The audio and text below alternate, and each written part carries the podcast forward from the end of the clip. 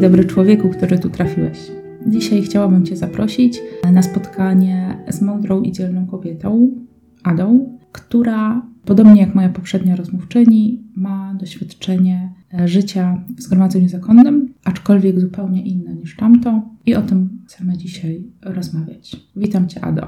Cześć. Kiedy zaczęłyśmy z Adą rozmawiać o różnych doświadczeniach e, ze zgromadzeń zakonnych, bardzo poruszyło mnie to, e, że Ada po stosunkowo krótkim okresie bycia e, w zakonie, czyli mówiąc zakonnym językiem, wychodząc ze zgromadzenia w czasie formacji początkowej, ma bardzo dużo trudnych doświadczeń, które tak naprawdę w jakiś sposób, no śmielę się tak powiedzieć, kładą cień na też dalszy etap życia. Chociaż e, jak z Adą się trochę znamy, to żeby tak nie dołować, e, ale taka też jest prawda, że Adam jest naprawdę dzielną kobietą, radzi sobie świetnie w życiu. Ada dzisiaj odkrywa siebie na nowo e, w okolicznościach, które sama tworzy. Sama tworzy swoje życie. Moim zdaniem jest to piękne, odważne i mądre, ale może o tym będzie opowiadać zaraz sama Ada. Pierwsze, o co chcecie zapytać, to z jakimi pragnieniami szłaś do zgromadzenia mm, i co było takim pierwszym momentem rozczarowania?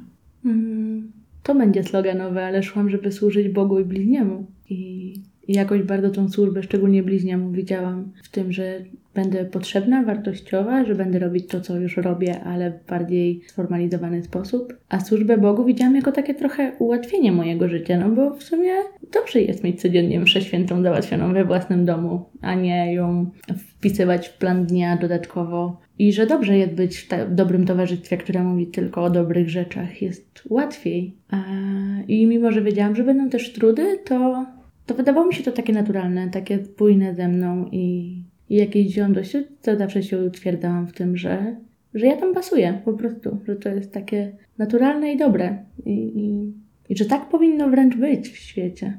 A pierwsze rozczarowania? Chyba właśnie jak się okazało, że to, co wydawało mi się, że jest naturalne ze mną, okazało się, że to ja muszę się zmienić. Że jest to odgórnie narzucane, że ja nie mogę być sobą, tylko muszę być jedną z wielu gotowych foremek do do dopasowania się do wspólnoty. I, I chyba to, jak dużo tego dopasowania było, było jakimś takim pierwszym rozczarowaniem. Nawet to, czy prosto stoję na mszy, to, że pół kaplicy ponoć na mnie patrzy, bo siedzę w pierwszej ławce. Mało tam mogłam być sobą, a bardziej właśnie na każdym kroku słyszałam, że inni na ciebie patrzą i musisz być taka.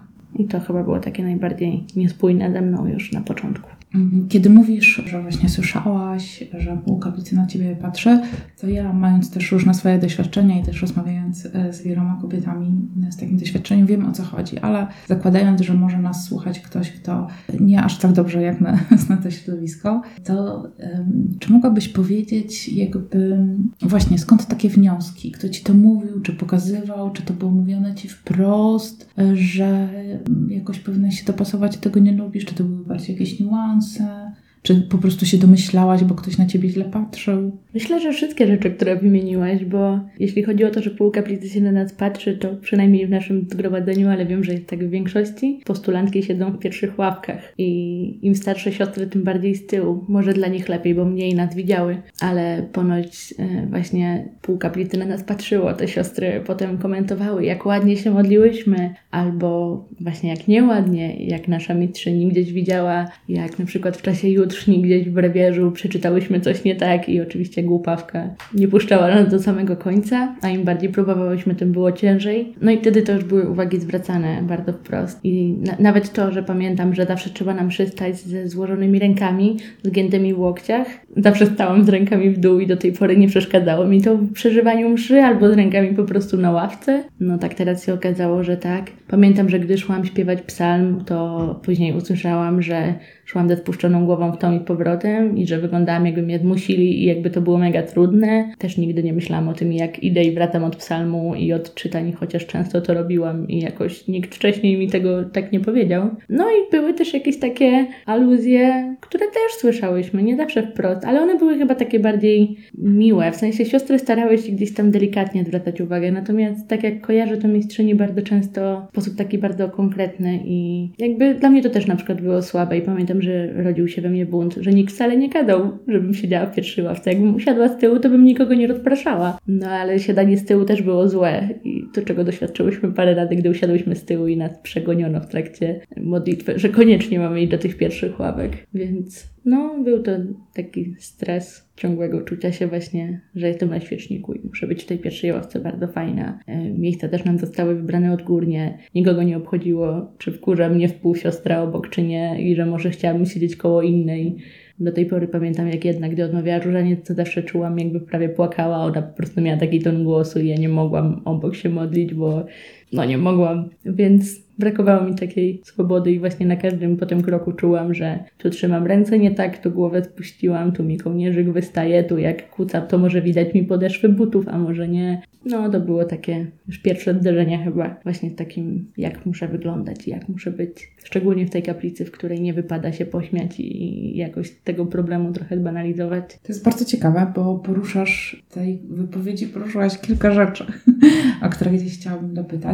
Pierwsza to jest taka w ogóle, myślę sobie, mm, nie wiem co ty o tym myślisz, że e, właśnie normalnie jak chodzimy do kościoła czy na mszę, no czy nie wiem w ogóle i są obok nas ludzie, no to ja rzeczywiście na co dzień nie zastanawiam się nad tym, jak ktoś stoi, siedzi, e, czy chodzi ze spuszczoną głową, czy nie. E, a też pamiętam mm, z mojego doświadczenia, jak właśnie w formacji początkowej jedna z naszych tych mistrzyń mówiła coś w stylu, że odchodzimy od komunii, jak odchodzimy od komunii, to powinniśmy być uśmiechnięte, bo przecież przyjęliśmy Pana Jezusa i to jest największe szczęście, a my odchodzimy takie smutne. Mm, że to się robi jakby, nie wiem, czy siostrom się wydaje, że wszyscy na nich patrzą, czy że, że teraz jakby po co są tak, po co przywiązuje się tak dużą uwagę do tych gestów. Tym bardziej, że tak naprawdę najlepszą modlitwę miałam wieczorami na chórze, siedząc po turecku i pisząc sobie w deszycie. Dopóki nie przychodziła matka, która miała tam klęcznik, bo wtedy oczywiście siadało się dużo bardziej prosto. Mhm. E, zeszyt przewodni szedł na bok, a na kolana wracało Pismo Święte. Mhm. No, chociaż niekoniecznie ona tego oczekiwała, ale to już było tak mhm. że jak przychodzi matka, to najlepiej może w ogóle wyjść, nie przeszkadzać jej w modlitwie. Więc no tak, no mi najlepiej zawsze modliło się wieczorem, co patrząc na te gesty, które były wymagane podczas mszy, to ja się skupiałam potem już głównie na nich. Albo na tym, jak stoję, na tym, czy ziewnęłam, na tym, czy właśnie u nas zgromadzeniem jest tak, że jak się wchodzi do kaplicy, to na środku klękamy, kłaniamy się aż do ziemi, Wstajemy i dopiero siadamy do ławki. To jest najbardziej traumatyczne wspomnienie, bo codziennie można było tak z pięć razy w ciągu dnia zrobić coś nie tak podczas tego klęku na środku kaplicy, który z jednej strony jest pięknym gestem, a z drugiej strony, gdyby nie to, że słyszałyśmy komentarze, pewnie byłby prostszy i, i, taki bardziej wypływający z serca, niż zastanawianie się właśnie, czy, czy witać, że nie mam halki pod spodem, bo, bo miałyśmy takie rozkminy, albo czy mam dobrze zawiązane buty, czy mam czyste podeszwy, e, no cokolwiek, czy wstanę, czy się nie zaplątam o sukienkę, więc myślę, że faktycznie gesty są ważne, ale, ale one przyćmiewały to, co było mhm. najważniejsze. I, no i myślenie w czasie mszy o tym, że właśnie opuściłam ręce, a powinny być równo i znowu trzymanie ich, no, chyba nie na tym powinna msza polegać, ani nie na tym, żeby wracać uśmiechniętym od komunii. Komunia też zawsze była stresująca, bo na mnie się kończyła mhm. i musiałam tą patenę oddać, bo u nas przekazywaliśmy ją sobie z rąk do rąk, więc to też był kolejny stresujący moment tego, jak to zrobić dobrze i nie popsuć szyku wstawania i wychodzenia z ławki na przykład. A czy ktoś Wam tłumaczył te, te gesty? Bo um, kiedyś na, swoich, na swoim Instagramie pisałam odnośnie strojów zakonnych i jedna z sióstr skomentowała to w ten sposób, że jak ktoś y, jest w danym zgromadzeniu, to zna symbolikę tego stroju.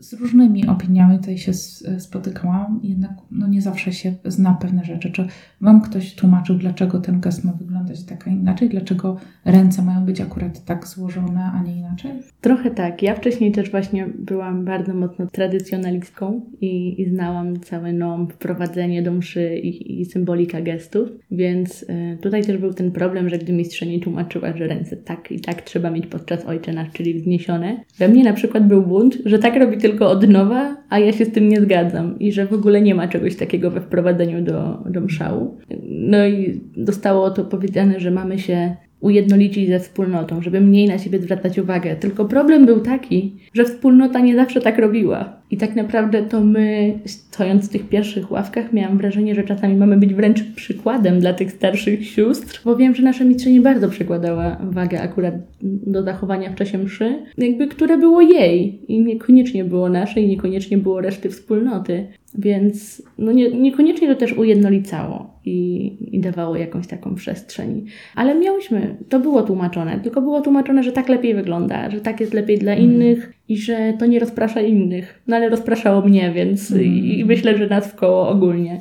Więc nie wiem, czy to spełniało swoją rolę. Właśnie tej jedności wspólnoty to też jest bardzo ciekawe, bo ja też pamiętam mm, coś takiego, że jak siostry szły gdzieś na mszę świętą e, do kościoła inne niż na przykład ten przy domu, e, czy, czy kaplica domowa, mm, to było coś takiego, że powinny siadać razem, bo to jest właśnie znak jedności wspólnoty. I to było takie, nie, że idziesz do kościoła i nie możesz usiąść gdziekolwiek, bo to jest znak jedności wspólnoty. I zadawałam sobie pytanie i zadaję sobie je cały czas, czy rzeczywiście dla ludzi w kościele, którzy patrzą się na siostry, czy w ogóle ci ludzie w kościele patrzą na siostry, to też jest pytanie. Znaczy, czy to jest aż tak, one są aż tak ważne, że wszyscy zwracają na nie uwagę, ale czy, czy rzeczywiście to jest znakiem jedności wspólnoty? Chociaż teraz po, po tym praniu mózgu jakby ja zwrócę na to uwagę czasami, jak widzę siostry, ale czy, no właśnie, czy, czy znakiem jedności wspólnoty nie jest bardziej to, że siostry są po prostu sobie nawzajem życzliwe?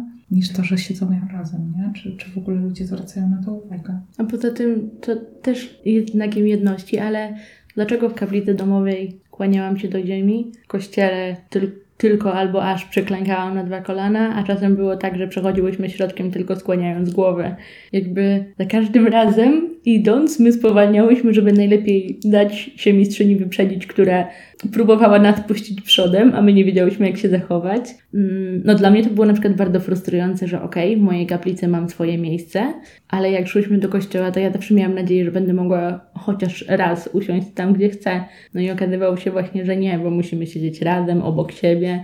Nie można też było przecież wychodzić samemu, a już nie daj Boże iść samemu do kościoła. Więc no nie wiem, czy to jest taki znak jedności, skoro na przykład w jednej kaplicy mam obowiązek zrobić tak, żeby nie zaburzać jedności, a w kościele mam obowiązek zrobić tak, żeby nie zaburzać jedności, bo oni się nie kłaniają. Tak, nie? Nie wiadomo trochę o co chodzi, nie? A jednocześnie, no właśnie, czy jedność to jest jednolitość? To jest w ogóle fajne. E, ekumeniczne. Tak właśnie teraz e, sama do siebie powiedziałam ciekawą myśl. Czy jedność to znaczy jednolitość?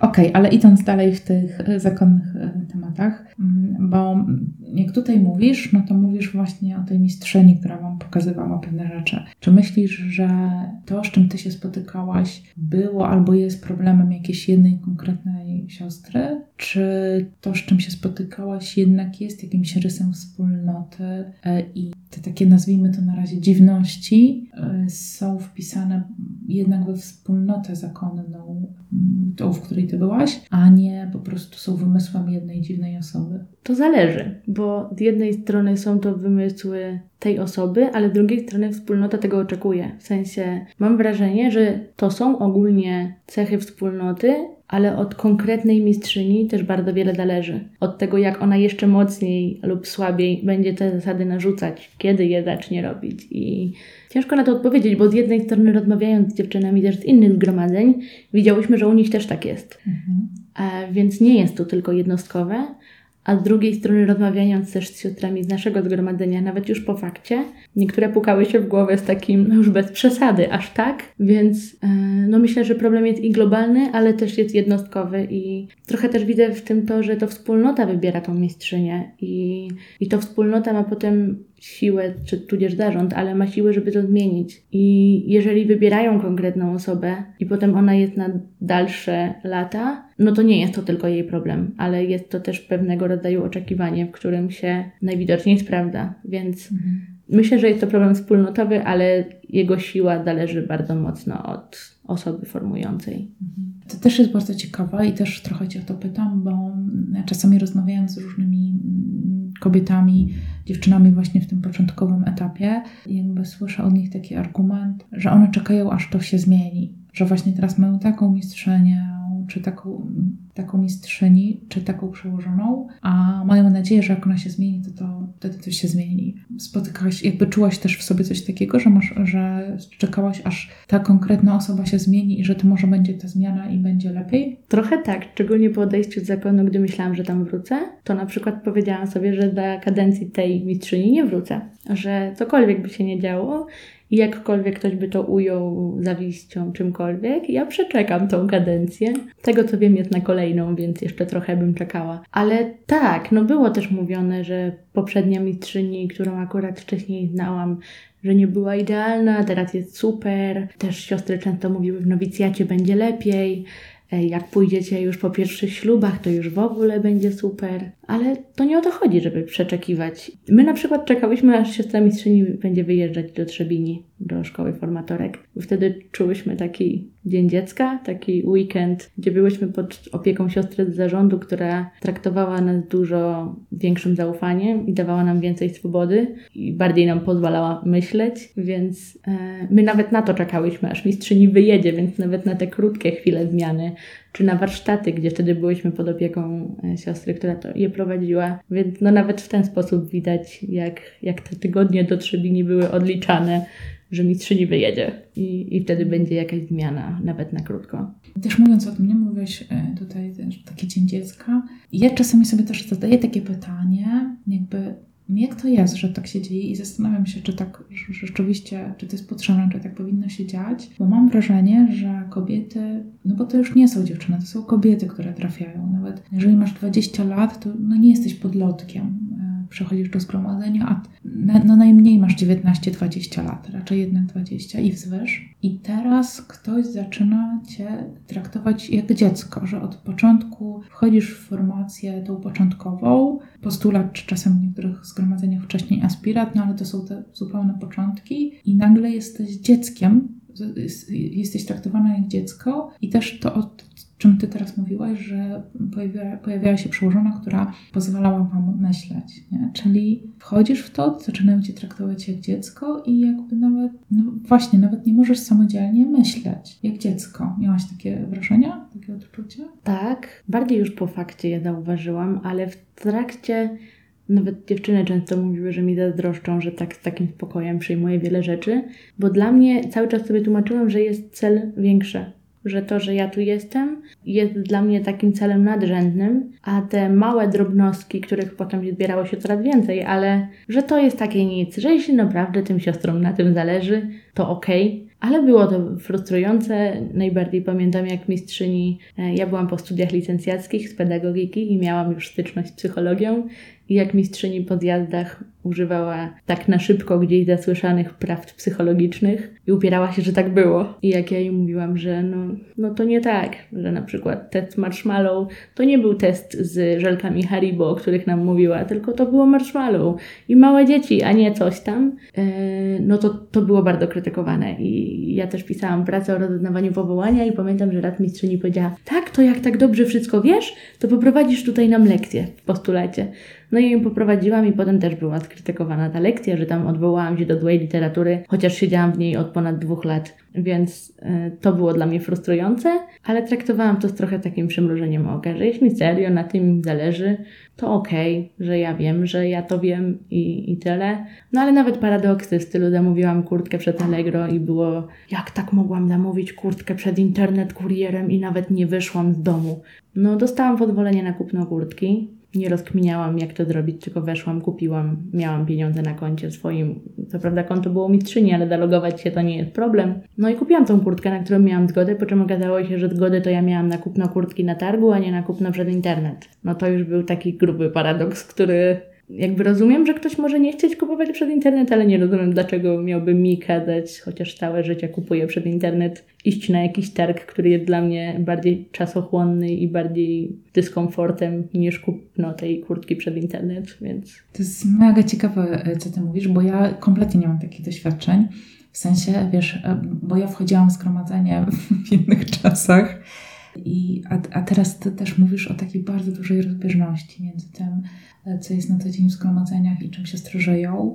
Mm, no właśnie, nie? A teraz jako młoda, młoda dziewczyna w jakiś sposób funkcjonująca już nawet w tym świecie medialnym internetu, idziesz tam, tego nie ma e, i nagle co się okazuje, że, że to jest, no to jest często gdzieś mówione, nie? że ten internet jest zło i teraz ty umiesz się w tym obracać, więc to jest złe, a, a tutaj jakbyś właśnie robiła tak, jak zawsze wszyscy robili, to, to jest dobra.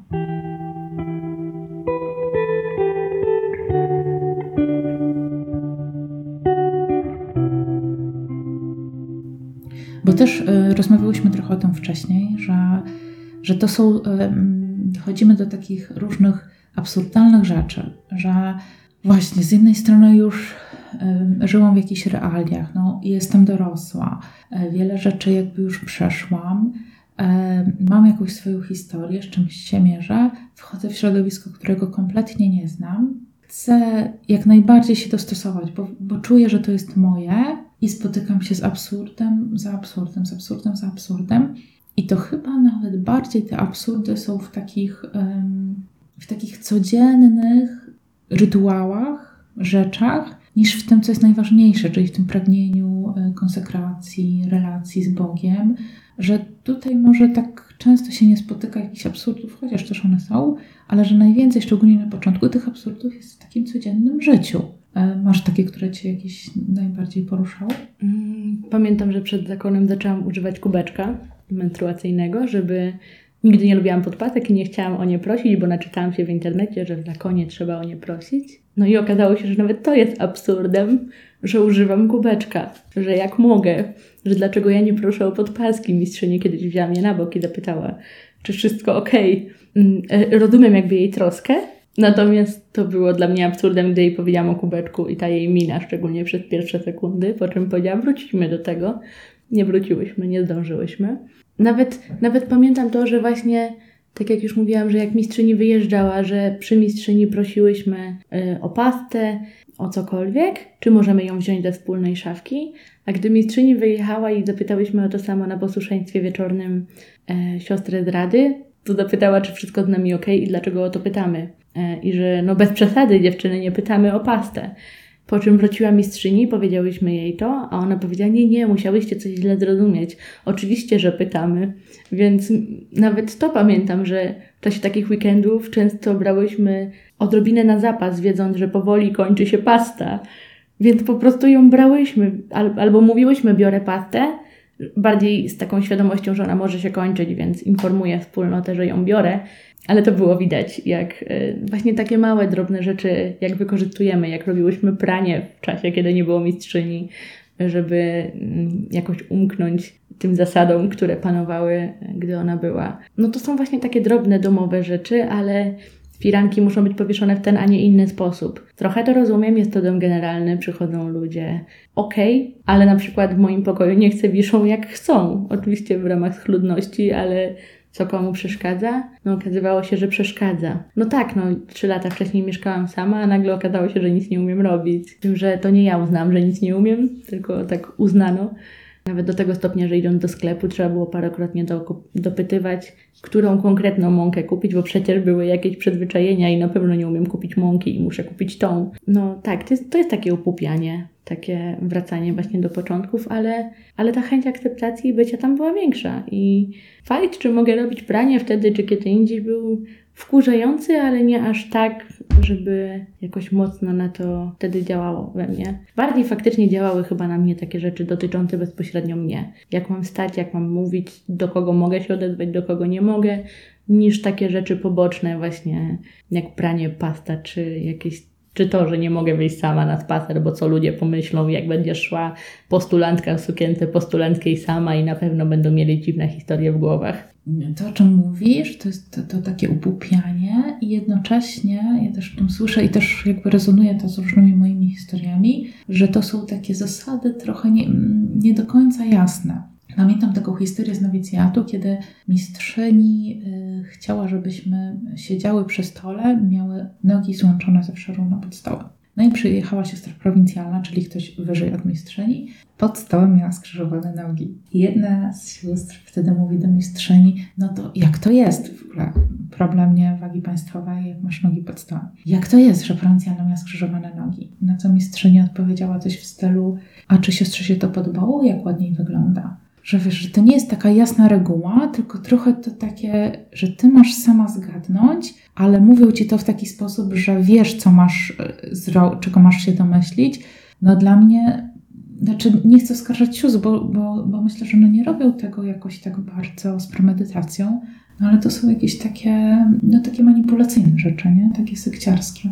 Jak powiedziałaś o tym, to przypomniała mi się też taka nasza historia, jak był jakiś zjazd sióstr to chyba były siostry po prostu z każdego domu przełożona. My wtedy spałyśmy w bibliotece. Udostępniłyśmy swoje pokoje i w, u nas w zakonie jest taka zasada, że nie można jeść w pokoju. Jeść i pić. Od tego jest refektarz. E, gdy pytałyśmy, czy są jakieś wyjątki, to raczej było to ucinane, no ewentualnie wodę do leków czy coś. No ale że nie wolno. I pamiętam, jak wróciłyśmy do pokojów, one były raczej posprzątane, ale dostały jakieś śmieci w łazience. I na przykład w moim śmietniku były papierki po batonikach. Ja wiem, która siostra spała w moim pokoju, bardzo ją lubię. Ale to dla mnie wtedy było też takie wow, po pierwsze miała batoniki, chociaż przecież ciasto, jak zawsze było mówione, jest w refektarzu, można ewentualnie się poczęstować jednym kawałkiem, to ona miała batoniki, jadła je w pokoju ewidentnie. E, no i pamiętam, że jak wtedy to poruszyłam też z mistrzynią, to powiedziała, że no, siostry też są ludźmi, nie wszystkie postępują idealnie, a to była jedna z wyższych stanowiskiem sióstr. No tutaj właśnie też brak takich jasnych reguł, że wiem, że ogólnie raczej się nie je w pokojach, tak jest przyjęte w tym zgromadzeniu, ale nie byłyśmy uczone, że czasem można, albo że, że to nie jest karygodne. Y, u nas też nie można siadać na łóżku w ciągu dnia a już nie daj Boże się kłaść w ciągu dnia. Po czym pukając do pokoju mistrzyni po 15, czyli po czasie ciszy, ona powiedziała, że musi się ubrać, bo się zdrzymnęła. Gdzie tutaj jest jakaś logika? W sensie rozumiem zasady, ale, ale one były takie bardzo nieżyciowe i nie było pokazywane, że może być inaczej, że jesteśmy ludźmi, możemy być zmęczeni, że możemy zjeść tego batonika i nic się nie dawali. Ja pamiętam, ile razy ja szłam naprawdę piętro niżej, żeby zjeść cukierka, w refektarzu i wracałam na górę. To już był swego rodzaju paradoks, po czym okazało się, że jak się go zje w pokoju, to też jest okej. Okay. I, I że nie trzeba chodzić piętro niżej i wchodzić w smoltoki, bo zawsze ktoś tam był. E, tylko można zjeść cukierka w łazience na przykład, wyrzucić papierek i, i żyć dalej. E, I jakoś nic się nie dzieje złego. Mhm. No i w ogóle jakby, no właśnie, to po co mamy tyle zasad i robimy czasami od nich odstępstwa, y, bo jesteśmy tylko ludźmi, to może po prostu zastanówmy się, czy po co nam są te zasady, nie? No bo no z całym szacunkiem, ale po co zasada jemy tylko w refektarzu? Miałyśmy taką sytuację tutaj w naszym mieszkaniu, że, że była u nas taka dziewczyna, która mm, świeżo odeszła z zgromadzenia, była jeszcze w takim procesie odchodzenia. Też odpoczywała sobie, była mm, trochę zmęczona e, i miała już, nie pamiętam, bodajże jogurt czy coś i na zasadzie siedzi z nami w kuchni je, i mówi, o, to już nie mogę skończyć, to wezmę go do siebie. Takie jakby, ale jak go tu zostawisz, też jesteś u siebie, że, że masz później takie jakieś dziwne nawyki i się dopiero jakby wychodzisz z tego, to się zastanawiasz, aha, nie, ale to w sumie dlaczego? No to tak jak w domu bym mogła jeść tylko w kuchni, ale jakby dlaczego, nie? Po, po co są te zasady? Ale też jeszcze, y, bo myślę sobie, że my też rozmawiamy z takiego pułapu, że wiele rzeczy rozumiemy, i w ogóle tak myślę, że jak ktoś może słuchać, to też, e, te, też może musi tak tego słuchać, że nie wszystko rozumie, ale to wtedy można pytać, to, to zawsze można jeszcze dograć i dotłumaczyć pewne rzeczy. Ale użyłaś takiego sformułowania wcześniej jak posłuszeństwo wieczorne. Możesz mhm. opowiedzieć, co to było? Po kolacji yy, była, był wieczorek, już mi te nazwy powoli uciekają z głowy, był czas dla wspólnoty e, w postulacie, to się jakoś fachowo nazywało. Natomiast na koniec tego czasu dla wspólnoty, gdy już rozchodziłyśmy się do pokojów, mm, była wieczorna modlitwa w, tylko w tym naszym postulanckim gronie z mistrzynią. E, I wtedy na koniec dnia każda była taka rundka, każda z nas mogła za coś przeprosić, podziękować lub poprosić między innymi o tą pastę e, do zębów, jak to u nas było przyjęte. Też wypadało przeprosić, bo to było tak, że jeżeli chcesz, to przeproś, ale jak nie przeprosiłaś, to raczej było takie, a dlaczego siostra nie przeprosiła wieczorem za tą sytuację, za tą szklankę, która się zbiła w ciągu dnia? Więc też trzeba było szybko pamiętać, co się w danym dniu wydarzyło, a, a nie zawsze było to proste. E, więc to był taki czas, gdzie każda z nas miała tą chwilę na, na wypowiedzenie, że potrzebuje rozmowy, że potrzebuje cokolwiek. Na koniec całowałyśmy medalik i od tej pory panowało już milczenie. Więc tak to było tak u nas. Natomiast potem siostry nam uświadamiały, że to nie zawsze tak wygląda, i że to może wyglądać inaczej, i że nie trzeba przepraszać za odbitą szklankę, więc nie wiem na ile to było tak, jak powinno być, a na ile to też było jakieś takie indywidualne podejście e, Mhm. konkretnej mistrzyni, że dokładnie tak to ma wyglądać. A czy masz taką wiedzę, czy to była taka forma dla y, właśnie tego czasu formacji początkowej, postulatu czy nowicjatu, czy też siostry później y, profeski? Wiem, że jest tak cały czas. Aha. E, Z tym, że to właśnie ponoć różnie wygląda, ale jest tak cały czas i siostry mówią, że na przykład na tym posłuszeństwie mówią w wspólnocie, że jutro ich nie będzie na modlitwach, żeby Mhm. ktoś się nie martwił, albo że idą do lekarza i proszą o modlitwę, że to jest taki czas, żeby Mhm. coś ogłosić, przekazać wspólnocie, Mhm. może właśnie za coś przeprosić, ale że to nie zawsze wygląda, że to na przykład nikt nie prosi o pastę, Mhm. że, że nie trzeba przepraszać za zbitą szklankę, że to raczej przepraszamy za coś już takiego, co się naprawdę wyrządziło w wspólnocie złego, jeżeli coś się stało, a nie, a nie w ten sposób, więc tak. A jeżeli możesz powiedzieć, co w tobie powodowały te różne zwyczaje, e, jakie poznawałaś, co powodowały jakby wtedy i co trochę powodują teraz? No u nas we wspólnocie była też dziewczyna, która była już siostrą po pierwszych ślubach iluś tam. E, Odeszła do zgromadzenia i wróciła. Więc też miałyśmy taką sytuację, że ona znała dużo więcej niż my i często starała się nie, ale wychodziła przed szereg, bo to było dla niej naturalne. Więc e, ja czułam też taką chęć trochę dorównania jej e, i jak ona na posłuszeństwie wieczornym poprosiła na przykład o pokutę, to potem już też zaczęłyśmy o nią prosić. E, chociaż czasami celowo nie prosiłyśmy, ale e, no myślę, że to było też trochę to, że ona była z nami i, i, i taka chęć trochę dorównania jej. To nie była podszyta zazdrością, tylko takim właśnie naśladownictwem. To było w jakiś sposób ciekawe, bo jestem też osobą, która lubi dużo wiedzieć, więc z jednej strony właśnie chciałam się dowiedzieć jak najwięcej, a z drugiej strony frustrujące dla mnie były te odpowiedzi, które były różne w zależności od konkretnej siostry. Teoretycznie rozmawiałyśmy tylko z mistrzynią, ale zdarzały się rozmowy z innymi siostrami, które czasem nam uświadamiały, że to nie tak wygląda, że to nie o to chodzi.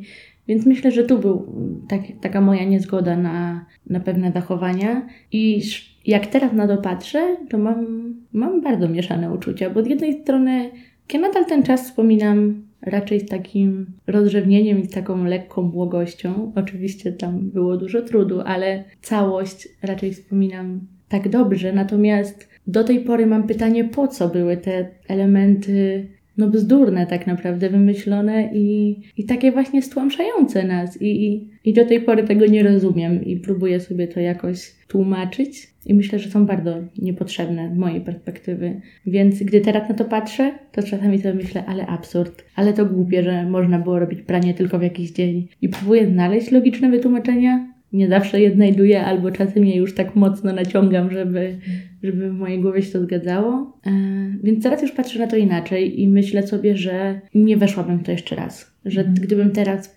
poszła do zakonu, z tą wiedzą i z tym doświadczeniem, jakie mam i teraz z większą pewnością siebie, myślę, że dużo szybciej stawiałabym granice w stylu no stop, to już jest głupie. A czy w tej grupie postulantek rozmawiałyście jakoś między sobą o tych różnych e, zwyczajach, zachowaniach? Czy, e, czy było coś takiego, że kilka wiedziałyście, że to nie gra, że powinno być coś inaczej i miałyście jakąś taką swobodę, żeby no, w jakiś sposób to krytykować między sobą? Troszeczkę tak, ale to też nie było jakieś super proste, bo od każdej z nas wymagane było trochę, trochę inny poziom. Pamiętam moje wkurzenie, gdy dowiedziałam się, że postulantka z pokoju obok może dzwonić do mamy trzy razy w tygodniu, a ja do mojego brata raz w tygodniu nie mogę. e, no bo ona jest w trudniejszym czasie, bo coś tam, bo ode mnie już się więcej wymaga, bo od tej, która już była siostrą, wymaga się najwięcej, więc z jednej strony byłyśmy prowadzone grupą, Mhm. ale potem okazywało się, jak dużo jest takich niespójności i chyba nawet czasem celowo nie chciałyśmy rozmawiać, żeby o pewnych rzeczach nie wiedzieć, bo ja wiedziałam, że nie mogę się spotykać z siostrami z innych wspólnot i to było mówione bardzo wprost, że jak je zobaczę, to najlepiej nie rozmawiać albo powiedzieć jeszcze nie może minąć je dalej, co jest do tej pory niezrozumiałe, a po czym dowiedziałam się, że koleżanka z pokoju obok mogła dzwonić w chwili kryzysu do jednej z sióstr. Ja też miałam kryzys i nie mogłam, więc to rozmawiałyśmy o takich bardzo absurdalnych sytuacjach i one, one gdzieś tam wyciekały, ale starałyśmy się je obśmiać. Mhm.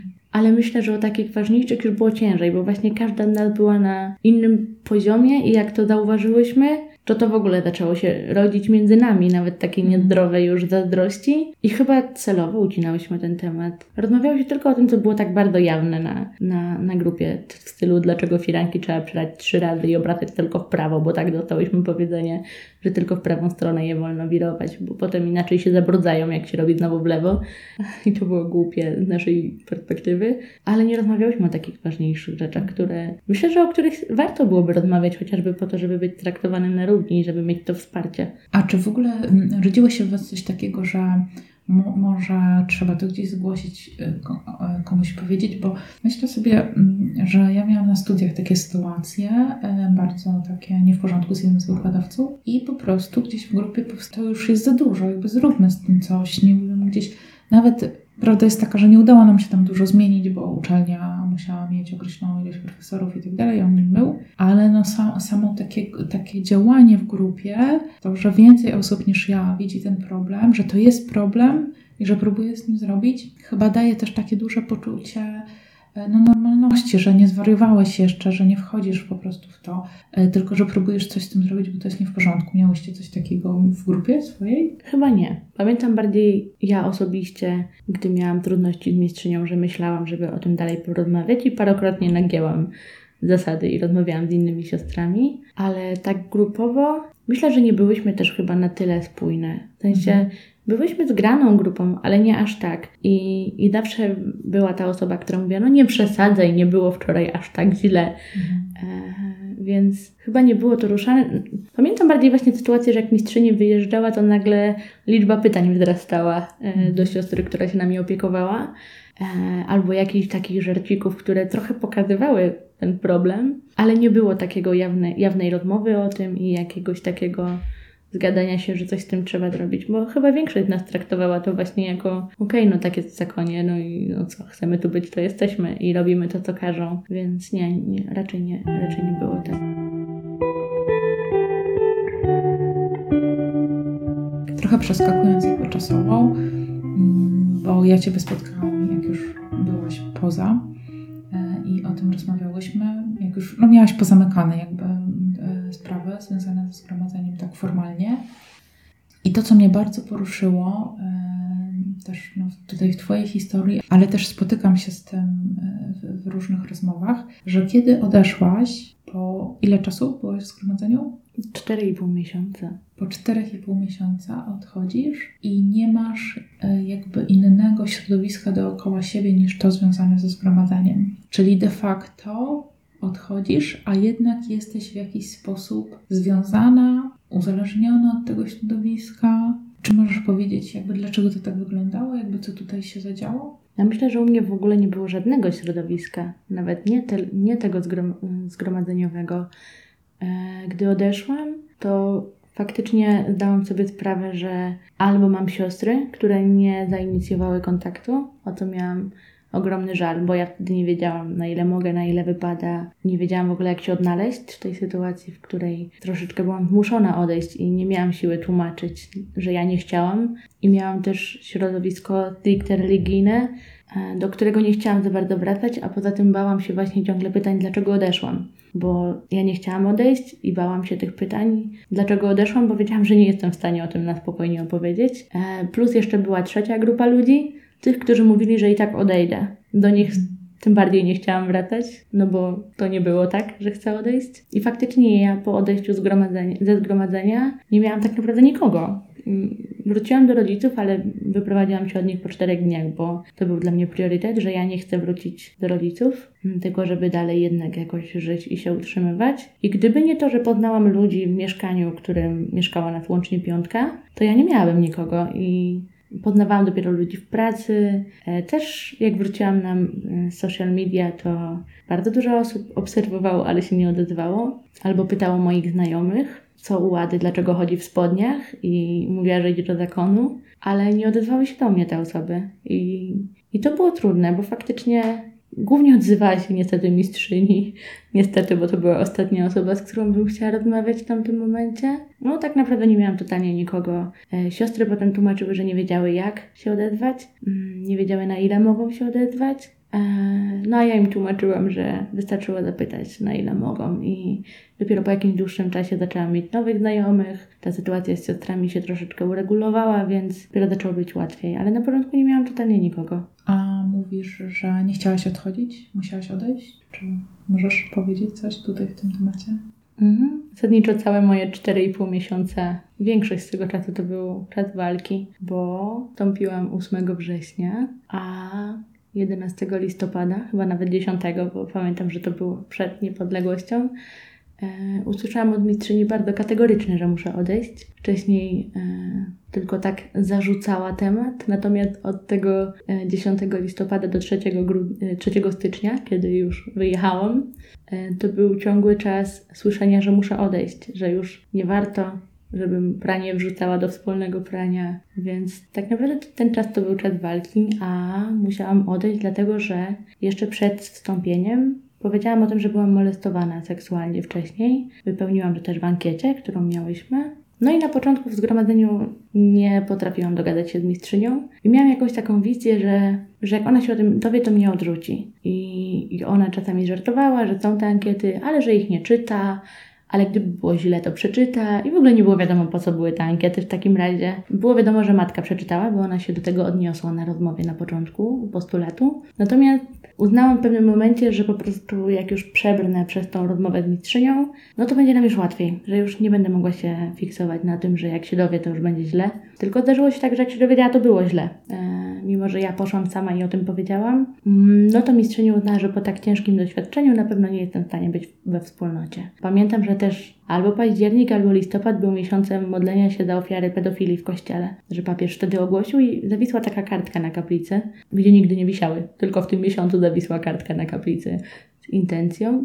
No i mistrzyni bardzo wyolbrzymiała wszelkie moje zachowania i szukała, że może jednak sobie z tym nie radzę. Uznała, że bez pomocy psychologicznej na pewno nie jestem w stanie tego udźwignąć, chociaż siostry przed wstąpieniem do zgromadzenia niektóre o tym wiedziały i towarzyszyły mi w tej drodze. No i tego 10 listopada została wezwana pani psycholog, która po pierwszym zdaniu mojej wypowiedzi, będąc wcześniej wprowadzona przez mistrzynię, powiedziała, że, że muszę odejść, bo mówię o tym tak spokojnie, jakbym albo kłamała, albo była na wyparciu. Do tej pory to pamiętam i no i powiedziała, że każdy dzień w tym zgromadzeniu to jest tylko dla mnie strata w tym momencie, że muszę iść na terapię i wrócić. No, więc potem już cały czas tylko słyszałam, że muszę odejść. Mistrzyni zasadniczo nie uzasadniała tego jakoś bardzo, poza tym, że muszę iść na tą terapię. Jak proponowałam, że przejdę terapię w zgromadzeniu, że się skonsultuję z inną psycholog, e, no, zasadniczo wymyślałam wszystkie możliwe opcje, no to żadna nie była akceptowana i rozmowa była szybko ucinana, że muszę odejść. Parokrotnie słyszałam, że jak mistrzyni wróci Trzebini, to mnie już ma nie być, albo mam być spakowana.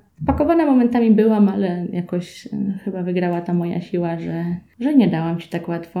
Mm, potem się okazało, jak już rozmawiałam z innymi siostrami, żebym poczekała na matkę, która była w Afryce. Matka wróciła i ja byłam pewna, że ona wie o mojej sprawie, że chcę z nią porozmawiać. Mm, no więc czekałam. Czekałam całe święta. Po świętach były imieniny matki, też czekałam. Potem już był spokojniejszy czas. Przepraszam, tak ci wyjdę. A myślałaś, że ona wie, że wie o tym, że chce się z nią spotkać. E, dlatego, że... Że mistrzyni powiedziała, że będzie, wie- że załatwi to. I gdybym wiedziała, że matka nie wie, sama bym do niej podeszła, mhm. bo podchodziła do nas, zagadywała. E, no ale ja byłam pewna, że ona wie o mojej sprawie, tylko nie ma czasu. Więc czekałam. I pamiętam, że w Sylwestra coś pękło i na wypowiedź mistrzyni jakąś, nawet nie pamiętam czego dotyczyła, weszłam do niej do pokoju powiedziałam, że odchodzę. I jak zawsze dziewczyny słyszały, nie odchodź, nie podejmuj decyzji w strapieniu. E, tak ja usłyszałam, okej, okay. Więc o, dostałam w ogóle po chwili, mistrzyni przyniosła mi telefon już do pokoju, to już było takim jawnym, proszę, twoja karta, twój telefon.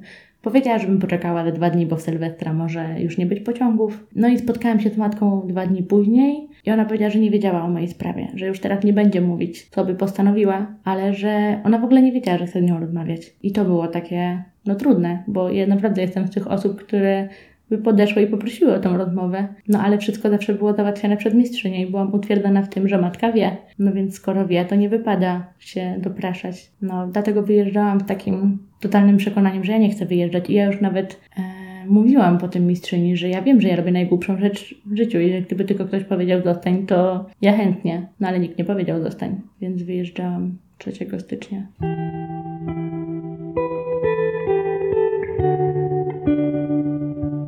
To jest bardzo trudna historia, której opowiadasz. Tak trochę jeszcze chciałam to zebrać. Czyli ty chciałaś być w zgromadzeniu.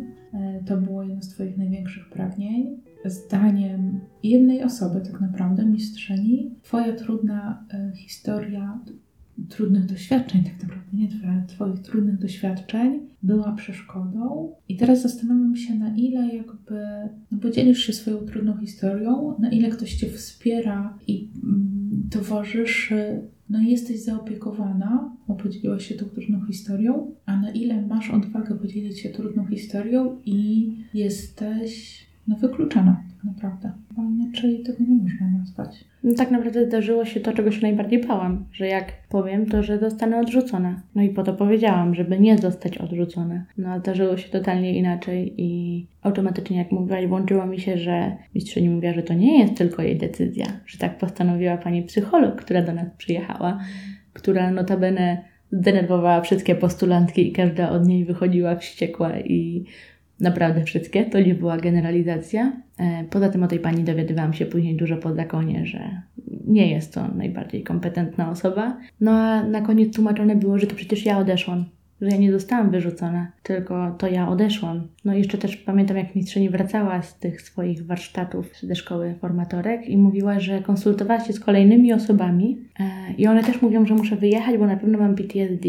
No i pamiętam, że wtedy też nie do końca legalnie skorzystałam z internetu i znalazłam sobie konkretne, e, według DSM-u, e, kryteria dla PTSD, czyli dla tego syndromu posttraumatycznego i ja ich nie spełniałam, to po pierwsze, i powiedziałam mistrzyni, że ja nie spełniam kryteriów PTSD, a po drugie, że ja też przed zakonem byłam pod opieką psychologa i nie rozmawiałam to prawda o tym wydarzeniu, ale jakby jestem w stanie o nim rozmawiać. Jeśli ona chce się nawet czegoś dowiedzieć, to jej mogę opowiedzieć. No ale cały czas się tłumaczyła, że to inne osoby też jej tak mówią. I nie do końca rozumiała mój argument, że jak ona jedzie i przekazuje to ze swojej wizji i jacyś psychologowie, którzy mnie na oczy nie widzieli, słysząc jej opowieści, decydują o tym, czy ja mogę zostać, czy nie, że to nie jest dla mnie żaden argument. No i do tej pory pamiętam z takiej duchowej nawet sfery, że poszłam kiedyś do mistrzyni i powiedziałam, że naprawdę siedzę na modlitwie i ja nie słyszę, że mam odejść. Że już nawet jakby mówię, okej, okay, jeżeli mam odejść, to chcę to... I że nic. A ona do tej pory gdzieś mi to bardzo tkwi powiedziała, na modlitwie o tym nie myślałam. Sorry, ale przepraszam. Ale taka spontaniczna reakcja. No, więc jakby pytałam, jak to jest możliwe, że Pan Jezus mi mówi, że jest dobrze, zostań tu. A, a ona mówi, że nawet go nie pytała, to gdzie ja byłam. Mhm no dla mnie to było wtedy bardzo wykluczające się, mhm. że to jest niemożliwe po prostu. No i jakby to, wiesz, rodzi takie pytanie, czyli co osoby z, z jakąś traumą czy syndromem półrazowym wtedy, no co, nie możesz być w zgromadzeniu? Bo co? To ponoć ja miałam silne objawy, bo jakikolwiek ból głowy interpretowany był jako to, że za mocno przeżywam. Mm, miałam też bóle kręgosłupa, które myślę, że wynikały chociażby ze zmiany stylu życia, bo wcześniej też towarzyszyły, ale wiedziałam, jak sobie z nimi poradzić, na przykład poprzez basen, na który tu nie mogłam iść. E, I wszystko było interpretowane jako to, że to są bóle somatyczne mojego wewnętrznego przeżywania, a gdy przestałam je zgłaszać, nawet już teraz nie pamiętam, czy po prostu było lepiej, czy przestałam je zgłaszać, no to usłyszałam od mistrzyni, że nie zgłaszam, więc jest jeszcze gorzej. Że póki zgłaszałam, to było źle, ale teraz to już jest bardzo źle. Więc no to też było wszystko tak bardzo mocno naciągane, że, że osoba, która naprawdę miała bóle somatyczne i wiedziałyśmy o tym. Nie była tak traktowana, gdy ja mówiłam, że po prostu boli mnie głowa, bo na przykład było bardzo dużo na głowie i dużo obowiązków i to było traktowane jako wewnętrzne przeżywanie czegoś. Ale to jest też ważne, o czym mówisz. Pozwolę sobie też podzielić się taką swoją historią, że no, w wielu sytuacjach słyszałam to właśnie, a bo siostra, nawet nie odnośnie mnie, ale ogólnie, bo ktoś coś za mocno przeżywa, bo coś tam. No i z jednej strony była taka psychologiczna nowa moda, że, że emocje są moralnie obojętne i tak dalej, nie ma negatywnych i w ogóle, no ale to, że coś za mocno przeżywasz i to w każdym, nie, że e, e, głośny śmiech to jest zbyt mocne przeżywanie i głośny płacz to jest zbyt mocne przeżywanie. I ja sobie zdałam sprawę z tego naprawdę po wielu latach, e, i to też w takich okolicznościach śmierci mojej mamy, że ja już jestem w takim punkcie, że nie przeżywam emocji że tak mocno to we mnie zostało wdrożone, przekazane mi, że w ogóle jakby pokazywanie emocji wiąże się też z niedojrzałością, a do ślubów wieczystych dopuszcza się siostrę dojrzałą, więc ograniczenie wszelkich emocji i przeżywania e, no, było dla mnie, ja tego nie widziałam. Dopiero właśnie w takich okolicznościach śmierci mamy do mnie doszło, że ja nie przeżywałam emocji. A zobaczyłam jeszcze to z zewnątrz, w okolicznościach podpisywania dokumentów związanych z odejściem, i też dzięki temu, że była ze mną e, moja znajoma, e, bo zobaczyłam to w siostrach, że rozmawiamy trudno i siostry nie okazują emocji ich ciele. Ich ciało jest nieruchome, nie przekazuje żadnej emocji. To jest w ogóle jakaś taka, nawet nie wiem jak to nazwać. Nie, nie rozumiem tego po co, ale po tym, co ty mówisz, po swoim doświadczeniu, po, po, roz, po, po wielu rozmowach, widzę, że te emocje są jakimś takim bardzo dużym problemem. W jaki sposób się je wypiera, zamyka, a później jest pytanie, jakby skąd u jest depresja. Nie wiem, czy to jest kwestia tego, że emocje no, są tutaj użycie, ale są też nieprzewidywalne, nie zawsze je przewidzisz. E, możesz je przyjąć, zgodzić się, pójść, ale to daje życie. A jak je ugładzisz, zamkniesz, no to wtedy wszystko jest przewidywalne. E, łatwo jest kierować takimi osobami, sobą jest łatwo kierować, zaczyna sobie trochę wytłumaczyć i wszystko jest ok, ale to nie daje życia. Tak, tak mówisz o tym mm, zamrożeniu emocji. Cały czas jak się zastanawiam, jak podejdę pod budynek zakonu, w którym nie byłam od dawna, a chcę jakoś sama dla siebie. Nie muszę to robić ten weekend, ale ogólnie chcę. Przejście tam po cmentarzu, tak, te wszystkie dróżki. To ja teraz czuję, że one są tam zablokowane. To nie znaczy, że tam podejdę i się mhm. rozpłaczę i nie wiem, co się mhm. stanie. Ostatnie dni tam przepłakałam, więc myślę, że już dużo się tam uwolniło, ale ale cały czas czuję właśnie tą część Krakowa, którą tam pokonywałam pieszo, że to jest taka część nie ruszać, trudne. Pamiętam każdą uliczkę, tak jak mówisz o tych właśnie emocjach, że ja nigdy nie byłam jakąś super radosną osobą, raczej jestem taką konkretną. I ja tak czuję, że tam została duża część mnie takiej normalnej, takiej właśnie, że ja taka bardzo ugładzona potem wyszłam, taka, taka, że ja wiem jak się zachować, ja wiem jak jest dojrzale, po czym na terapii się uczę jak przeżywać te emocje i że one są ważne. I, i, I, ja też tak mam, że ja bardzo często, jak mówię o czymś trudnym, to się odcinam totalnie emocjonalnie. Jestem w stanie referować. Myślę, że nawet i tak widać. No i tak sobie myślę właśnie, ciekawe ile tych takich trudnych rzeczy gdzieś też wcześniej, nie tylko w samym tutaj zakonie, ale gdzieś wcześniej zostało, nie? Takich gdzieś konkretnie ładnie poblokowanych, bo, bo się nie można przyznać, że jest ciężko albo cokolwiek. Bo to jest, y, wiesz co, bo y, te, teraz jak rozmawiamy nawet, mi zawsze jak słucham, to też wracają y, inne historie, którym jakoś tam towarzyszę i też jakby czasem słyszę od, od, kobiet, od dziewczyn, jakby zaczęli o tym mówić, bo coś tam.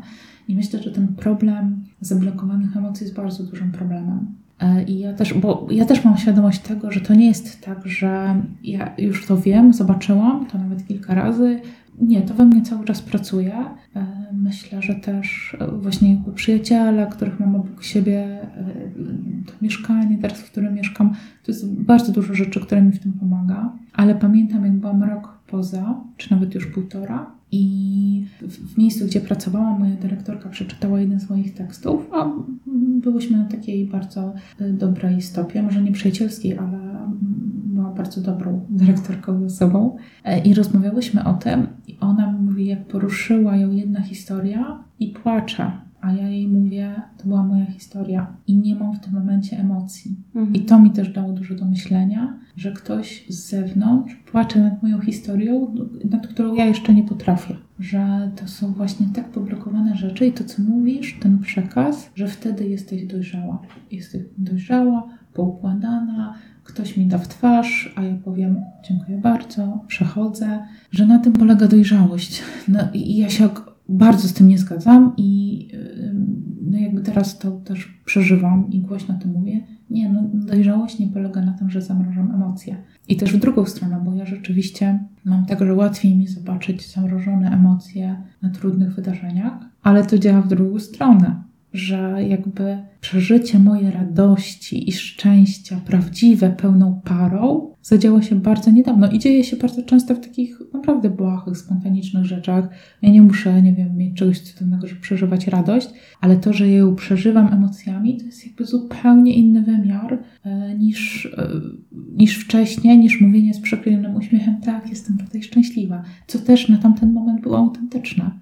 I dla mnie też było ogromnie ważne kamino, kiedy ja pierwszy raz poczułam strach w ciele, całą sobą poczułam strach. I też jakby wiedzą, widząc wtedy, że to wszystko było właśnie takie zepchnięte, zamrożone u mnie, jakby w tej formacji, w którą ja przyszłam, pod poszczykiem tego, że wtedy jesteś dojrzała, wtedy jesteś odpowiednia. Być może to też wydarza się w innych przestrzeniach u kogoś innego, chociaż e, no ja akurat e, obracając się w tym środowisku ludzi z trudnymi sytuacjami w kościele, to słyszę w kościele, we wspólnotach, w oazach i tak dalej. Być może to też się wydarza inaczej, no ale ja mam takie doświadczenie, że to się wydarzyło tutaj. Ale zastanawiam się, z czego to wynika. Czy to jest to, że mam dwie hipotezy. A, siostry nie mają wiedzy psychologicznej. Też trochę ciężko się dziwić, ale myślę, że powinny się dużo bardziej otworzyć. Prawdziwych specjalistów, nie na osoby, które im przytakują i mają wykształcenie psychologiczne, tylko otworzyć się po prostu i czerpać z różnych stron. Ale zastanawiam się nad drugim wytłumaczeniem, czy to nie jest też trochę tak, że jednak w zakonach jest sporo starszych sióstr Przynajmniej tak jak ja kojarzę, na przykład ten dom, w którym byłam, jednak to jest dom generalny, więc młodych sióstr było tam niewiele. Mm, I czy to nie jest też taka po prostu różnica pokoleniowa, że, że widać to, jak im młodsze pokolenie, tym bardziej jesteśmy uczeni tego, jak przeżywać emocje i tego, jak, że one są potrzebne. Według mnie to się w ogóle zazębia i że to są e, obie wersje, ale, ale zastanawiam się, czy, czy nie można byłoby też pójść trochę w tą stronę, że faktycznie te starsze siostry już też z racji wieku po prostu są dużo bardziej stonowane, spokojniejsze i potem wymagają tego, bo to burzy ich spokój, gdy przychodzi ktoś taki żywy, taki otwarty jeszcze. Czy to nie jest trochę to, że, że to trochę przeszkadza, jest trochę za głośno, on się wyróżnia, to go tak trochę spionizujmy, przyciszmy i myślę, że to jest chyba dwa w jednym, ale... Tak, wiesz co, mi się też wydaje, że jednak takim głównym motywem jest to, co mówisz, że ktoś się wyróżnia. Czyli, że pokazujesz jakąś swoją e, indywidualność, to co wcześniej mówiliśmy, nie? Mhm. Jednolitość we wspólnocie, to nie musi być jedność. Jakby to nie są, wiesz, ja to też widzę dalej w strojach. I to nie chodzi o to tylko, że mamy habitę, ale że, e, wiesz, widziałam potrzebę wyróżniania się sióstr, nie wiem, po tym, że wszyscy mają czarne, to ja założę szary sznureczek do krzyżyka. I to jest naturalna potrzeba, E, no bo jestem jednostką, indywidualnością. Pan Bóg nas stworzył indywidualnie każdego. I dlaczego teraz mówić, że to jest zła potrzeba wyróżnienia się? Bo ja też wprost słyszałam takie rzeczy w formacji nie? że indywidualizm jest złe.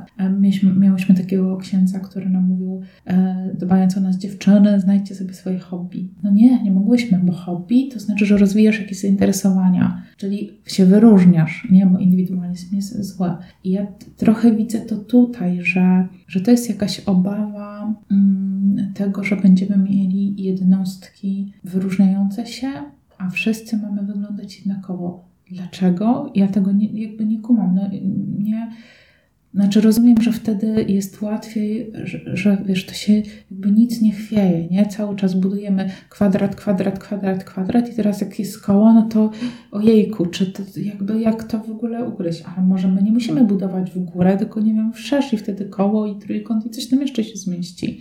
A też o psychologii ja mam taką obserwację, że, że w momencie, kiedy są zgromadzenia, które się otwierają, czy na terapię, czy na psychologów, i widziałam też w swoim życiu taki duży boom jakby w tą drugą stronę, że, że jakby te mm, mechanizmy psychologiczne stawały się bardzo ważne.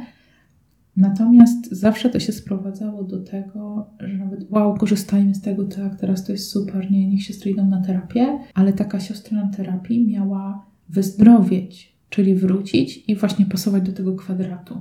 A jeżeli na terapii się okazywało, że jest trójkątem, to źle przeszła terapię, jakby nie tak. I no nawet teraz y, y, towarzyszę siostrom, które właśnie w procesie terapii zaczynają odkrywać siebie i chcą być y, w zgromadzeniu sobą i im się na to nie pozwala. Więc w tym momencie one mówią, to ja już chyba nie mogę tu być, bo odkryłam siebie.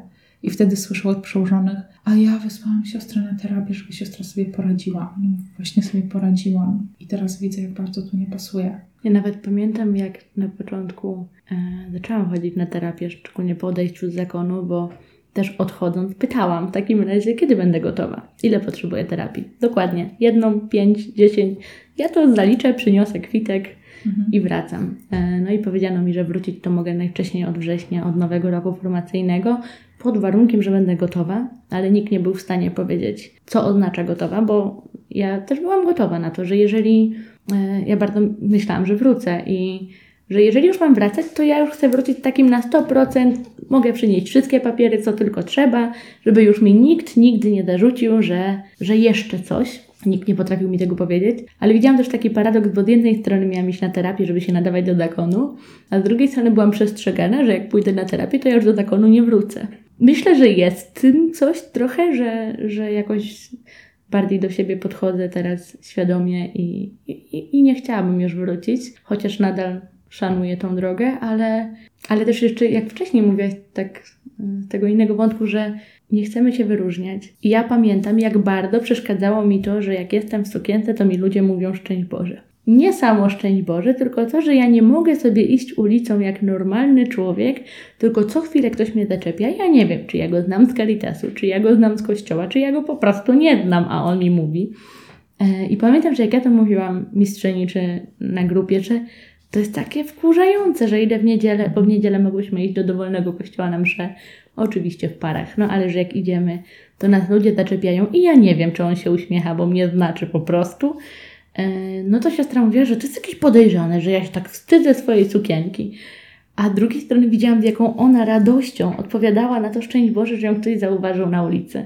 I też w kontekście tych strojów właśnie, one mają nas ujednolicać i mają rzekomo nie wzbudzać jakiegoś zainteresowania, ale one wzbudzają jeszcze większe. Chociażby przez to, że powstały w poprzedniej epoce, gdzie może nie wzbudzały zainteresowania, ale teraz wzbudzają ogromne i też, no nawet sam fakt bycia na świeczniku. Może ludzie w kościele nie patrzą na siostry inaczej, a może jeszcze bardziej by nie patrzyli, gdyby siostry wyglądały podobnie do nich. Bo mam wrażenie, że trochę też tym strojem tu we wspólnocie jesteśmy takim ujednoliconym, gotowym kwadracikiem, ale jak wychodzimy, to jest gdzieś ta potrzeba takiego, skoro tam mnie nie zauważono, to teraz na ulicy będę szła z największym uśmiechem i mówiła szczęść Boże. Oczywiście nie dotyczy to każdego, ale, ale myślę, że jest gdzieś ta taka potrzeba bycia zauważoną. I to jest mega ciekawe, o czym mówisz, nie? Że, bo mm, jakby tak już sobie spekulując dalej, no e, rzeczywiście, jak, jak ja poruszam właśnie na mediach społecznościowych ten temat, nie pierwszy raz, ale teraz tak chyba naj, najbardziej, najwięcej, no to no, no siostry się odzywały właśnie w tym kluczu, że, że ten strój jest ważny, że nie można z niego... I to siostry, bo często właśnie nie siostry, inne, e, in, inne kobiety, e, bo kobiety najbardziej na to zareagowały, właśnie pisały o tym, że, że to byłoby ciekawe, gdyby te stroje uprościć, a siostry mówiły nie, bo tu każda rzecz ma wrażenie właśnie... I to jest ciekawe, że mm, właśnie to, o czym mówisz, nie? Że, że tutaj jakby jesteśmy jednolite, ale na zewnątrz się wyróżniamy, więc nie zrezygnujemy z tego, chociaż to jest mega dziwne, no bo no to, to nas wyróżnia, nie? To sprawia właśnie to, że ktoś y, na nas zwraca uwagę. I to ma swoją też piękną historię. Ja pamiętam jedną z takich historii, która mnie zawsze bardzo poruszała o habicie. Y, I tu chodziło o Białoruś, że na Białorusi siostry y, i księża zresztą też no, bardzo długo nie mogli się ujawniać. I w którymś momencie, jak siostry wracały do habitów, to jedna z nich opowiadała taką historię, że właśnie szła po ulicy i nagle ktoś za nią zaczął iść i ona się przestraszyła, bo te czasy jeszcze były takie niepewne, no i w, idzie szybciej ten ktoś ją goni i w którymś momencie jakiś mężczyzna ją dogonił i mówi do niej, tyle lat nie mówili, że Boga nie ma, a ty jesteś. Więc rozumiem, że ten strój też ma, ma swoje znaczenie, no ale znaczy no w, w ogóle jakby mówiąc o stroju, no to dla mnie no najprostsza rzecz. Niech on ma, zakładajmy go jak najbardziej, ale nie przyklejajmy się do niego, bo być może właśnie nie, muszą nas postrzegać jakoś tam. I to obojętnie, czy dobrze, czy źle. No, on cię zawsze wyróżni, nie? Albo cię wyróżni tak, że ktoś się do ciebie uśmiechnie, albo wyróżni tak, że ktoś na ciebie nakrzyczy, nie? Ale no zawsze jesteś to, nie? Zawsze jesteś tą inną, wyróżnioną, niezwykłą.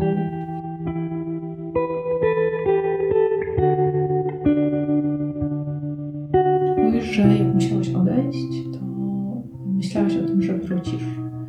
A w którym momencie stwierdziłaś, że nie, jednak nie wracam? Co, co, co w ogóle, co spowodowało taką decyzję, że jednak nie wróciłaś? Decyzja o tym, że nie wracam, dotarła do mnie stosunkowo niedawno, bo najdłużej żyłam e, w takiej fazie, w której na 100% wiedziałam, że chcę wrócić i jednocześnie na 100% wiedziałam, że nie chcę. I, I to nie było 50 na 50, tylko to naprawdę było 100 na 100. Od razu po powrocie było ciężko, bo nie mogłam się odnaleźć. Nie wiedziałam, jakim życiem mam teraz żyć. Czy mam odmawiać ten brewiarz, czy nie odmawiać. No bo niby jestem już poza, ale trochę mentalnie jestem w. Ciężko mi się było odnaleźć w sakramentach i gdzieś tam zaczął się proces odchodzenia od kościoła, więc wtedy myślałam, że no, no jak wrócić do zakonu, skoro, skoro nie, nie chodzę na codzienną mszę mhm. i że przecież to jest niemożliwe. Ale bardzo długo właśnie miałam taki proces, że że ja bardzo chcę wrócić, ale też coraz częściej zaczynały do mnie docierać takie właśnie przebłyski, że nie wszystkie rozwiązania były sensowne, że dlaczego ktoś kazał mi robić coś tam. Mm, tak jak Ci tu wcześniej wspomniałam, w zakonie kupiłam sobie zeszyt na nielegalu, płacąc kartą. E, karta wtedy była chyba, żeby zapłacić za tramwaj, a ja w międzyczasie kupiłam zeszyt w Empiku i kawę w McDonaldzie.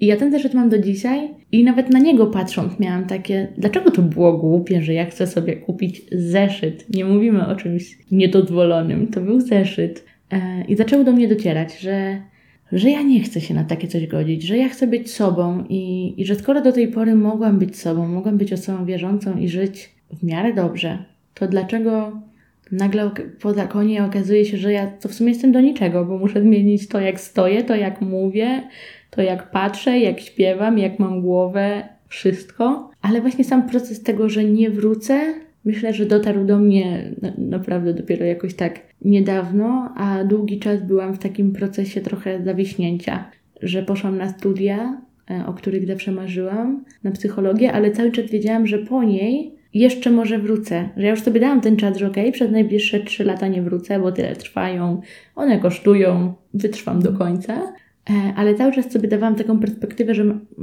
marzyłam na przykład o seksuologii, ale wiadomo, ona się wykluczała z mhm. zakonem. Więc miałam ciągle takie, hmm, poszłabym na seksuologię, ale to, to jest niezgodne z zakonem i w ogóle z moimi oczekiwaniami. W sumie nikt mi nie powiedział w zakonie, że to jest niezgodne, ale e, że to się nie przyda. I dopiero myślę, że tak z pół roku temu, gdzieś w terapii, gdzie zaczęłam odkrywać na nowo siebie i swoją wartość i to, że mam wartość nie tylko wtedy, gdy się dostosuję do otoczenia, które mnie akceptuje, ale mam wartość niezależnie od tego, czy ktoś mnie akceptuje, czy nie. I że ja mogę myśleć inaczej niż inni, i to też nie znaczy, że to jest coś złego. I to chyba dopiero tak mi zaczęło pokazywać, że, że ja nie umiałabym znowu wejść te ramy. Że ja Nadal mam jakieś takie czasami pragnienie, jak włączę pobożne pieśni. To się rzadko zdarza, ale wtedy włącza mi się totalne rozrzewnienie.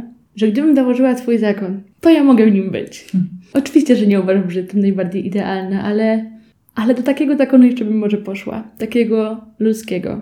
Ale faktycznie nie umiałabym już teraz znowu wejść w ramy i znowu jakoś tak dać się podporządkować. I, I chyba wtedy sobie uświadomiłam, że większą korzyścią dla mnie jest być sobą i próbować jakoś działać. Jeszcze nie wiem jak i jeszcze nie wiem, co z tego wyjdzie. To mnie chyba też trochę tego ostatnio się uczę, że ja nie muszę wszystkiego wiedzieć, bo ja odkąd poznałam siostry, to ja przez 5 lat wiedziałam, że ja do nich pójdę. Ja przez 5 lat do nich szłam i doszłam. I ja, to chyba też dlatego było takie trudne, że to nie były tylko te 4 miesiące w postulacie, tylko to było, no 4, w sumie to 4 lata, cała maturalna i całe studia życia dla zakonu. Ja każdy weekend spędzałam, pracę licencjatką, pisałam o rozeznawaniu powołania. Wszystko było pod zakon. I, I ja wiem, że ja już bym teraz tak nie chciała. Nie żałuję tego, ale chyba właśnie im bardziej poznaję siebie, tym bardziej mam świadomość, że, że to nie tak powinno być. Przynajmniej nie w mojej wizji, że, no, że tak naprawdę skoro zakony chcą mieć nowe, fajne osoby, to po co je potem znowu cofać? W sumie kiedyś miałam taką myśl, to może od razu zacznijmy rekrutować dzieci. Przynajmniej da się je jakoś wychować sensownie do tego momentu. Nie będzie trzeba cofać wszystkich nawyków, które już nabyła na przykład studentka. Nie będzie trzeba cofać tej samodzielności, którą już ma, myślenia, umiejętności szukania w internecie jakichś konkretów. No i tak myślę, że to nie o to, że nie o to powinno chodzić już w życiu zakonnym, e, w mojej wizji. I, i chyba wtedy sobie zdałam sprawę, że to nie jest moja droga i wręcz mam ochotę powiedzieć, że to nie jest chyba droga dla nikogo w mojej wizji, taka cofająca. Przychodzi mi też e, takie wspomnienie, jak e, ja próbowałam mm, z kilkoma siostrami ruszyć z YouTube'em, mm, tak szerzej, i wtedy zarząd generalny mm, zasugerował, że jest to możliwe pod warunkiem, że będą przed publikacją oglądać każdy materiał, bo mogłyśmy powiedzieć coś niezgodnego z wizją zgromadzenia będąc wszystkie, wtedy my byłyśmy co najmniej 10 lat po pierwszych ślubach, a, no i wszystkie też byłyśmy po ślubach wieczystych, czyli wiesz, no wchodzisz w to, żyjesz w tym tyle lat i każda z nas na dobrą sprawę mogłaby być wybrana na, do tak. zarządu tak. generalnego, ale nie, zarząd generalny musi sprawdzać, nie, o czym będziemy mówić, bo one mają jakąś wizję, one mają to światło, one wiedzą, jaka jest wizja zgromadzenia, a my po prostu nie, nie wiemy. No to jest też takie właśnie dla mnie ciekawe, mm, że już tak powiem z rozrzewnieniem, dokąd to zmierza. Nie? Jakby nie to, co mówisz o swoim zakonie, że, że jest ogromna potrzeba też w młodych dziewczynach. I siostry czasami mówią, że właśnie nie ma powołań, nie ma powołań. Ja jestem w takim momencie teraz, że rozmawiam z młodymi dziewczynami, u których słyszę szczere pragnienie e, konsekracji, szczere i prawdziwe. I jestem w ogromnym dylemacie, to jest dla mnie bardzo trudne, co ja mam im powiedzieć. Bo nie powiem, jakby, myślę, jak najbardziej, oddaj to życie. Jezusowi to jest w tobie, to słychać, widać, w ogóle czuć. Ale gdzie? W którym miejscu? W miejscu, które właśnie cię sformatuje, a nie daj Boże też skrzywdzi, nie? Że, że idziesz i po czterech miesiącach wychodzisz jako skrzywdzony człowiek. Nie? To, to, to, jest, to jest jakby dla mnie takie najtrudniejsze. Tym bardziej, że to skrzywdzenie jest chyba też o tyle ciężkie, że dla mnie ma trochę takie znamiona syndromu sztokholmskiego, mhm. że jednocześnie uwielbiasz ten zakon i wiesz, że tam jest dobro i jakby widzisz, doświadczasz, no tego nie da się nawet opisać, a, a z drugiej strony w tym samym miejscu dzieje się to, co złe, co boli jeszcze mocniej, bo to były osoby, które samodzielnie się wybrało. No często dziewczyny muszą przeorganizować pół swojego życia. Dla mnie to było trudne iść do zakonu. I ja nie zakładałam opcji, że ja odejdę. A tu nagle te osoby cię nie chcą. Moim początkowym myśleniem było, że to tylko mistrzyni jest zła. Jakby tak mi było najłatwiej sobie poradzić. Że zakon mhm. był piękny, mistrzyni była zła, koniec. Mhm. Nie uważam tak teraz. Wiem, że nadal gdzieś wybrzmiewa ten żal. Eee, bo zakładam, że jak ktoś jest osobą myślącą, to, to też sam decyduje trochę o tym, co będzie robił, ale no ale właśnie, ale to jest o tyle trudne, że nie da się powiedzieć, zakon jest zły. I ja do tej pory, jak ktoś mnie pyta, czy mhm. iść, myślę, że dalej bym powiedziała, że iść, mhm. dlatego że mam wrażenie, że ja bym sobie nie wybaczyła, mhm. gdybym nie poszła, a z drugiej strony nadal ciężko wybaczyć to, co się tam wydarzyło, ale, mhm. ale tak jak mówisz, to tak, ja nadal mam dylemat. Ja najczęściej ucinam i nie odpowiadam wcale, co nie jest rozwiązaniem, ale ja wewnętrznie, gdybym samą siebie pytała, powiedziałabym, że iść, a jednocześnie wiem, że samą siebie bym skrzywdziła. Mhm. I to jest straszne i trudne, no, bo, bo oba wybory są trudne. Myślę, że dotknęłyśmy tutaj tematu, który jest moim zdaniem w ogóle do szerszego takiego rozeznawania w kościele. Trochę, trochę cały czas e, mam nadzieję, że to się zacznie. Nie wiem kiedy. Wydaje mi się, że to musi się zacząć z zewnątrz, że same zgromadzenia tego nie zrobią w środku. W międzyczasie też, jak tutaj mówiłyśmy o różnych historiach, to przypomniała mi się taka e, jedna sióstr w zgromadzeniu, w którym ja byłam. Mm, Ja jej nie poznałam osobiście, to znaczy chyba poznałam ją e, jeszcze będąc przed klasztorem, ale ona była też wieloletnią e, przełożoną i przełożoną prowincjalną i siostry opowiadały, że kiedy miały, była prowincjalną w momencie, kiedy do zgromadzenia wstępowały e, takie pierwsze jakby pooazowe siostry, czyli z własnym pismem świętym, z gitarą, to, to było jakąś nowością i ona podobno wtedy jeździła po różnych wspólnotach sióstr i mówiła, Teraz przyjdą takie dziewczyny. Przygotowywała siostry na to. Siostry, które jakby nie miały w zwyczaju wcześniej osobiście czytać Pisma Świętego, bo to były takie czasy, przygotowywała na to, że, on, że będą dziewczyny, które już są z tym oswojone, że do tej ciszy zakonnej wpadną babki z gitarą. E, jak słuchałam tej opowieści o niej, to myślałam sobie, Boże, jaka to była światła kobieta. Wydaje mi się, że takich ludzi brakuje i nie wiem, z czego to wynika, ale nawet jeżeli teraz są, to nie mają siły przybicia. Ja na ten moment nie, zgrom, nie znam zgromadzenia. Znajomi mi opowiadają jeszcze o małych siostrach Jezusa. Jakby tutaj nie mam zbyt dużych znajomości. Ufam różnym ludziom, którzy opowiadają, ale wydaje mi się, że to jest tak ważny temat w Kościele, że ta refleksja musi nastąpić i może niech ona przyjdzie z zewnątrz. Chociażby od nas, z takim doświadczeniem y, od wielu kobiet, które wychodząc ze zgromadzenia nie mówią to było złe, albo nie wiem, zniszczmy to, w ogóle nie, odejdźmy z kościoła, spalmy klasztory, tylko mówią nie, to jest ten styl życia, ta droga ma sens, ale wymaga zmian, żeby nie krzywdzić po prostu.